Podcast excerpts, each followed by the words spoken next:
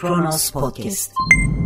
Yargıtay 2019 senesinin Ekim ayında bir karar vermiş ve o kararda kararın içeriği gereği ticari sır tanımında bulunmuş. Ticari sır gerçek ya da tüzel kişi tacire rakiplerine karşı ekonomik anlamda menfaat sağlayan, sır olarak saklanan ve gizli kalması için gerekli önlemlerin sahibi tarafından alındığı bilgi olarak tanımlanır. Yine haksız rekabet ilkeleri de göz önünde bulundurularak bir başka tanım olarak ticari sır tacirin ticari faaliyetleri esnasında kullandığı aynı olanağa sahip olmayan veya kullanamayan rakiplerine karşı kendisi için avantaj teşkil eden herhangi bir formül, düzen, model vesaire toplam bilgiler şeklinde tanımlanabilir.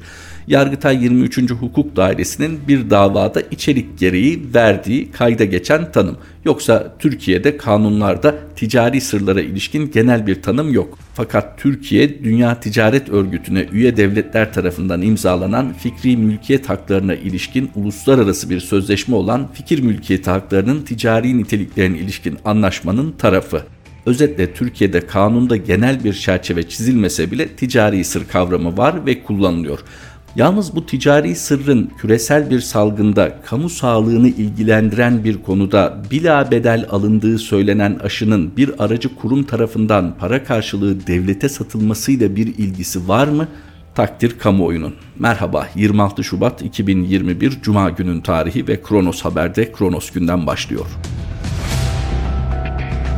Sağlık Bakanı Koca'dan bedava aşı açıklaması ticari sır ifşa edildi. Sağlık Bakanı Fahrettin Koca bilim kurulu toplantısının ardından açıklamalarda bulundu. Bakan Koca CHP Genel Başkanı Kılıçdaroğlu tarafından gündeme getirilen 1 milyon ücretsiz aşıya para ödendiği iddialarını yalanladı. Dünyada aşı savaşının yaşandığını ifade eden Koca, dünyada ticari sır olarak kalması gereken bilgilerin ifşa edildiğini görüyoruz. Ticari sır olarak kalmasının gerektiği sözleşmeye de konur. Şunu ifade etmiştim. Biz aşıyı en uygun fiyata alan ülkeyiz. Rakamı söylediğimde bunu zaten herkes biliyor olacaktı. Ama bu aşıyı sadece Türkiye almıyor, başka ülkelerde alıyor. Aşıyı en uygunu alan ülke Türkiye dedi aşı savaşının olduğu bir dünyada üretici firma aşıyı bedava bağışlar mı? Bunun akılla izahı var mı sorusunu yönelten koca biz bütün görüşmeleri Sinovac'la yaptık. Altını çiziyorum hiçbir şekilde aracı firmaya zerre kadar bir kuruş ilave verilmemiştir diye konuştu. Koca vatandaşa veremeyecekleri hiçbir hesaplarının olmadığını ifade ederek aşıya ulaşmak için her türlü yolu kullanıyoruz, müsterih olsunlar dedi. Sağlık Bakanı Koca açıklamasının devamında aşılama çalışmaları ile ilgili bilgi veriyor. Dönelim daha önce Sayın Kılıçdaroğlu'nun açıklamalarına iddia neydi? Aradaki Keymen ilaç firmasının ki Keymen Sinovac'ın bölge distribütörü. Çin alınan yüklü doz miktarda aşıya karşı bir jest olarak 1 milyon doz ücretsiz aşı veriyor. Fakat Cayman tarafından bu aşı dozu 12 dolar olmak üzere devlet malzeme ofisine satılıyor.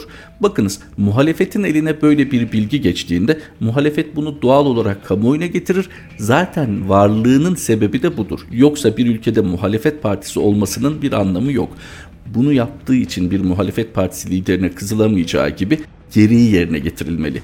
Yani iddia olunan konunun öyle olmadığı, aslının başka türlü olduğu açık seçik anlatılmalı. Peki Sayın Sağlık Bakanı Fahrettin Koca böyle mi yapıyor? Hayır, hemen bir ticari sır perdesi çekiyor. Dünyada salgın var. Yeni tip koronavirüs kırıp geçiriyor tabiri caizse ve Sayın Bakan'ın da ifade ettiği gibi bir aşı savaşı var. Fakat Sayın Bakan'ın ifade ettiği gibi aşıyı gerçekten en uygun fiyata alan biz miyiz tartışılır. Belki Sinovac tarafından üretilen Coronavac aşısını alan ülkeler içinde bu aşıyı en ucuza mal eden biz olabiliriz. Fakat sürecin başına dönelim. Batı menşeli aşıların Sinovac'ın ürettiği Coronavac aşısından çok daha ucuz olduğu burada sorunun vaktinde sipariş verilememiş olması olduğunu hatırlatalım. Peki para temin edilemedi, süreç iyi yönetilemedi, geç kalındı ve böyle de olsa Sinovac'tan Coronavac aşısı alındı. Sayın Bakan bu iddiaya cevap veriyor mu? Yani 1 milyon doz ücretsiz aşı ki hediye edildiği söyleniyor Çin tarafından. Aracı demeyelim. Sayın Bakan çünkü ilk iddia olunduğunda aracı firma da yok demişti. Sonra distribütör bir firma olduğu anlaşıldı. Keymen ilaçtan bahsediyoruz. Yine aynı firma tarafından hediye olduğu söylenen 1 milyon doz aşının dozu 12 dolardan olmak üzere devlet malzeme ofisine satıldığı iddiası var. Sayın Koca bunun ticari sırrın ifşası olduğunu söylüyor ve işi sanırım kamuoyu nezdinde daha hassas kılmak için de dünyada bir aşı savaşı sürerken neden böyle bir ticari sır ifşa ediliyormuş? Bakalım CHP kanadından ne denilmiş? CHP'li Murat Emir, Bakan Koca aşıya para ödendiğini itiraf etti. CHP Genel Başkanı Kemal Kılıçdaroğlu'nun gündeme getirdiği Çin'den gelen 1 milyon doz ücretsiz aşının Cayman şirketi tarafından Devlet Malzeme Ofisi'ne her bir dozu 12 dolardan fatura edilip edilmediği sorusuna bilim kurulu toplantısının ardından yanıt veren Koca, ülkeler arası ticari sır olarak kalması gereken bilgilerin ifşa edildiğini görüyoruz. Ülkeler arasında bunun ilişkileri etkileyebileceğini ve ücret ve benzeri noktalarda bunun ticari sır olarak kalmasını sözleşmeye de konduğunu ve bu nedenle de fiyatı özellikle söylememiştim ama şunu ifade etmiştim. Biz aşıyı dünyadaki bütün ülkelerin aldığı fiyattan en ucuza alan ülkeyiz ifadelerini kullandı.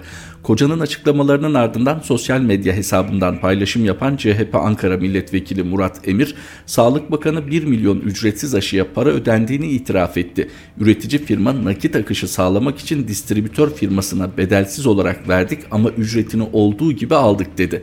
Genel başkanımızın iddiaları doğrulanmış oldu. 12 milyon dolar aracı firmanın kasasında kalmış ifadelerini kullandı. Emir, Bakan Fahrettin Koca çırpındıkça batıyor, hiçbir şekilde aracı firmaya bir kuruş verilmemiştir diyor. Aracı firma bedelsiz aldığı 1 milyon doz aşıyı devlet malzeme ofisine 12 milyon dolara satınca devlet aracı firmaya 12 milyon dolar kar payı vermiş olmuyor mu? Lafı dolandırmayın açıklamasını yaptı. CHP milletvekili Murat Emir, Sayın Bakan Koca'nın açıklamalarına sosyal medya üzerinden cevap vermiş ve ortaya çıkan tablo şu.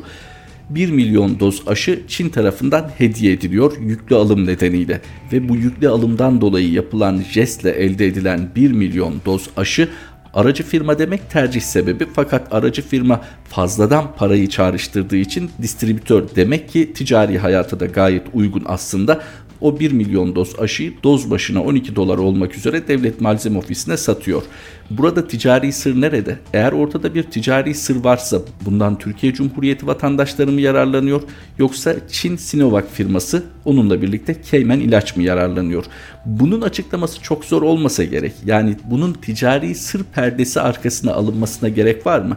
Zaten kamuoyu gündemine gelmiş. Hani mahkemeye de intikal edebilir böyle bir konu. Fakat oraya gelmeden önce dönemsel olarak devleti yöneten siyasi yapılar, hükümetler bunu organize edip halka açıklamayacaksa niçin var?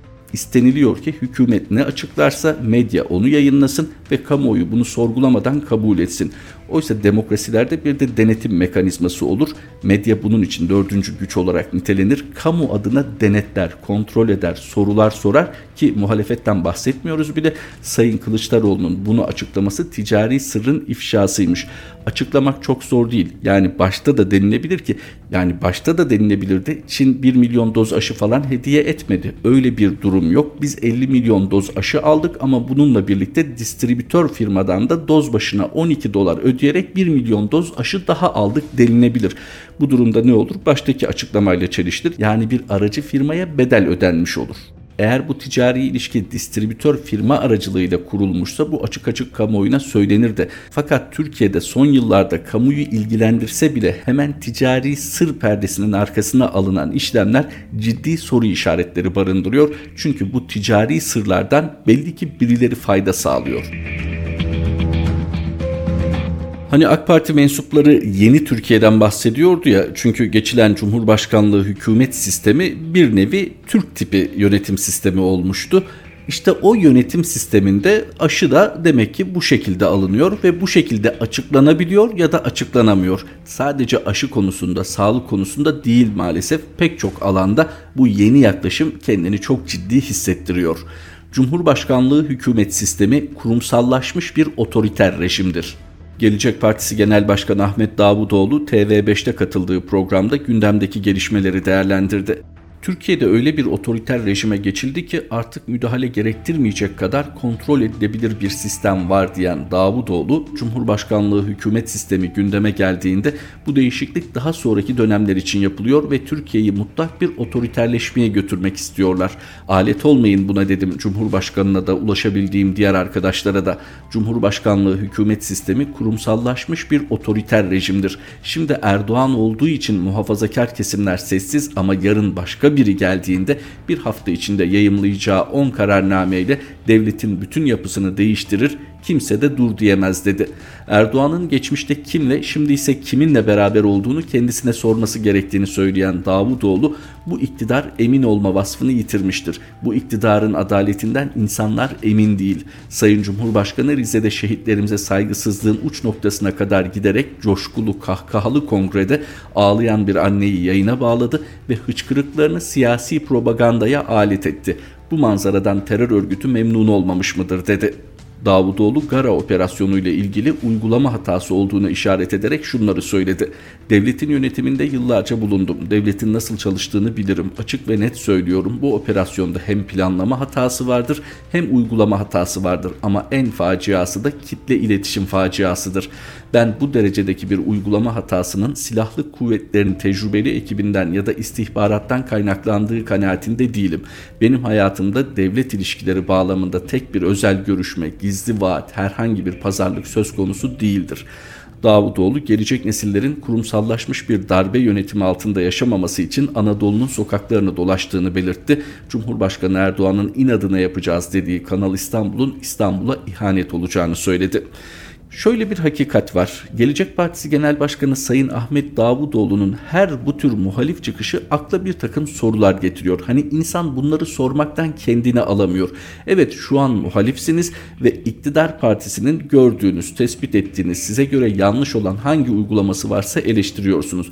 Fakat her konuşmanızda parti mensubuyken başbakan, dışişleri bakanı yahut da danışman olarak bulunurken gördüğünüz yanlışlara kol kırılır yen içinde kalır yaklaşımıyla baktığınız anlaşılıyor. Sayın Erdoğan'a da söyledim, ulaşabildiğim arkadaşlara da söyledim. Hani çok ciddi bir tehlike gördüğünüzü, otoriterleşme noktasında ciddi bir tehlike gördüğünüzü, bu konuda gerekli uyarılarda bulunduğunuzu söylüyorsunuz. Fakat gerçekten o kadar ciddi bir problem, o kadar ciddi bir potansiyel tehlike varken bunu kamuoyuyla da paylaşmanız gerekmez miydi? Yani bu parti içi disiplin yaklaşımı bizi bu noktaya getirmiş olmuyor mu biraz da Sayın Davutoğlu'nun anlatımıyla? Ki Sayın Davutoğlu hala söz torbasının ağzını da tam olarak açmış değil. Bakınız şimdi Erdoğan olduğu için muhafazakar kesimler sessiz ama yarın başka biri geldiğinde bir hafta içinde yayımlayacağı 10 kararnameyle devletin bütün yapısını değiştirir. Kimse de dur diyemez diyor Sayın Davutoğlu da. Sayın Erdoğan ne yaptı? Şu an çok mu farklı? Sayın Erdoğan'ın bir muhafazakar etiketi olması maalesef dönem itibariyle siyaseten kendisini ayrıcalıklı kılıyor. Fakat Sayın Erdoğan şu an muhafazakarlar için sadece zevahiri kurtarmıyor mu? Sadece muhafazakarları algısal olarak rahatlatacak adımlar atmıyor mu? Özetle Sayın Davutoğlu ve hala onun gibi düşünenler varsa yani şimdi Erdoğan var sorun yok ama yarın ne olacağı tartışılır diyorlarsa şimdiden şunu hatırlatalım. Cumhurbaşkanlığı hükümet sistemi zaten şu an Türkiye Cumhuriyeti Devleti'nin kodlarını tamamen değiştirmedi mi? Yargı bağımsız mı? Medyanın işleyişi sağlıklı mı? Özerk olması gereken denetleme kurum ve kurulları işlerini gereğince yapabiliyorlar mı? Yani hükümetin, siyasetin müdahalesi olmadan bu kurum ve kuruluşlar kamu adına atılan adımları denetleyebiliyorlar mı? O halde Sayın Erdoğan henüz devletin bütün yapısını değiştirmemiş mi diyeceğiz? Özellikle toplumsal bedeller ödenen olaylarda zaman geri işlemese de çok pahalı dersler veriyor muhafazakar olsun olmasın, kendini dindar olarak tanımlasın tanımlamasın ama sanırım insanlar artık demokrasi karşısında nasıl konumlandığını gözden geçirir ve bundan sonra demokrasiye sahip çıkmakla ama demokrasi dediğimizde seçimden bahsetmiyoruz sadece. Yargının bağımsızlığından medyanın sağlıklı işleyişine kadar demokrasiden bahsediyoruz. Demokrasiye sahip çıkmanın kendine, ailesine, hayatına, özgürlüklerine hatta mal varlığına sahip çıkmak demek olduğunu gayet iyi anladı. Hani daha iyi olacağı savıyla dile getirilen bir yeni Türkiye var ya, o yeni Türkiye'nin aslında bir nevi 90'lara dönmek olduğunu gösteren bir başlık. Nur Sena Küçük Özyiğit kayıp babası için bu kez Kılıçdaroğlu'na seslendi. Destek olmanızı bekliyorum. Ankara Maltepe'de ofisinden ayrıldıktan sonra bir daha haber alınamayan eski başbakanlık raportörü Hüseyin Galip Küçüközyiğit'in kızı Nursena Küçüközyiğit babasının bulunması için liderlere çağrıda bulunmaya devam ediyor. Sayın Recep Tayyip Erdoğan, bugün size Cumhurbaşkanı olmanızdan da öte Ceylanlarım diye sevdiğiniz Sümeyye ve Esra isminde iki kız babası olarak seslenmek istiyorum. Kızlarınız sizden birkaç gün haber alamasılar ne kadar korkarlar tahmin edebiliyorsunuzdur. Bense babam Hüseyin Galip Küçüköz Yiğit'ten haftalardır haber alamıyorum. Haftalardır onu arıyorum. Bulunmasına yönelik çalışmalar maalesef çok yavaş ilerliyor ve endişeleniyorum. Her günü umutla başlayıp hayal kırıklığıyla noktalamaktan çok yoruldum. Sizin tek bir talebiniz babamın bulunmasını sağlayabilir. Duyarsız kalmayacağınızı ümit ediyorum. Lütfen yardımcı olun. Cumhurbaşkanı Recep Tayyip Erdoğan'a seslendiği videosunda bulunmasına yönelik çalışmalar maalesef çok yavaş ilerliyor ve endişeleniyorum. Duyarsız kalmayacağınızı ümit ediyorum. Lütfen yardımcı olun demişti.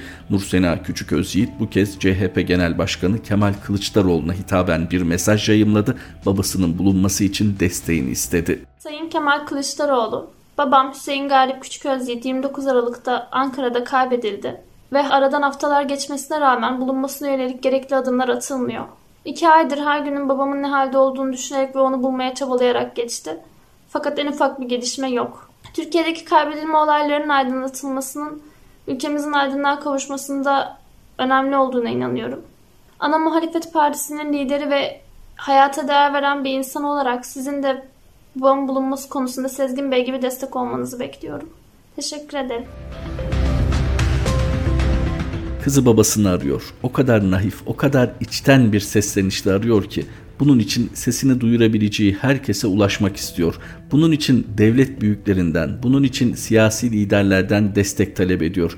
Peki bir Türkiye Cumhuriyeti vatandaşı olarak aradığı desteği bulabiliyor mu? Cumhurbaşkanına daha nasıl seslenebilir? Siyasi pozisyonundan öte iki kız babası Recep Tayyip Erdoğan'a sesleniyor.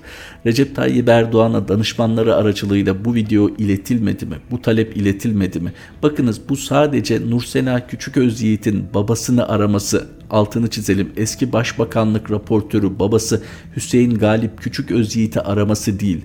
Bu çağrı 21. yüzyılda bir hukuk devleti olduğu anayasasında yazan Türkiye Cumhuriyeti Devleti'nde kaybolan eski başbakanlık raportörünü arama çabasıdır. Devletin onuru söz konusudur, devletin gücü söz konusudur. Her şeyden önce devletin vatandaşlarına karşı ayrım yapıp yapmadığı söz konusudur dönem itibarıyla bir gruba ait ilan edilip bunun üzerinden suçlanan insanların temel hak ve hürriyetleri gasp ediliyor. Geçmiş deneyimlerden biliyoruz ki olağan şüpheliler var ve bu konuda devletin onurunu korumak, devletin kudretiyle ilgili şüpheleri ortadan kaldırmak adına irade göstermek kime düşer?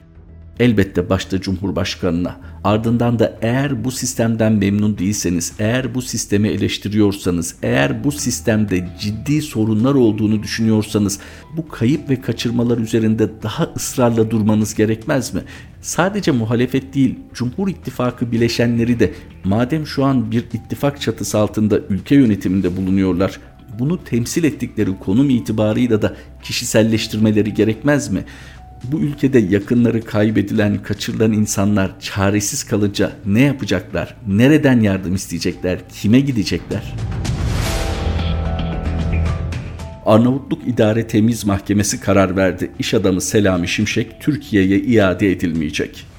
İş adamı Selami Şimşek'in Arnavutluğa sığınma hakkını reddeden yerel mahkemenin kararı bozuldu. Bu karar sonrasında Selami Şimşek'in Türkiye'ye iade ihtimali ortadan kalkmış oldu.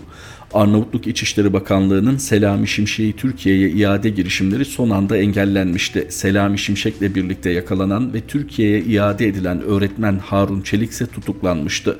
Arnavutluk İdare Temiz Mahkemesi'nde perşembe günü görülen davada İltica ve Vatandaşlık Müdürlüğü ile Ulusal İltica ve Mülteciler Komisyonu'nun Türk vatandaşı Selami Şimşek'in Arnavutluğa sığınma hakkını reddeden kararlarını geçersiz ilan etti. Arnavutluk İdare Temiz Mahkemesi'nde Perşembe günü görülen davada İltica ve Vatandaşlık Müdürlüğü ile Ulusal İltica ve Mülteciler Komisyonu'nun Türk vatandaşı Selami Şimşek'in Arnavutluğa sığınma hakkını reddeden kararlarını geçersiz ilan etti. Kronos açıklamada bulunan Selami Şimşek 8 ay cezaevinde yattıktan sonra bir yıldır da kampta tutuluyor. Bu örnek Arnavutluk'ta yaşandı. Mevcut milliyetçi muhafazakar iktidarın dilinden düşürmediği Osmanlı coğrafyasına ait Balkanlarda yaşandı. Özgürlüklerini, hayatlarını kurtarmaya çalışan insanların bu çabaları içeride yaşanan hukuksuzluğu tüm dünyaya duyuruyor ve hala içeride biz ne yapıyoruz sorusunu adam akıllı soran yok. Kronos gündemin sonuna geldik. Kronos Haber'de tekrar buluşmak üzere. Hoşçakalın. Kronos Podcast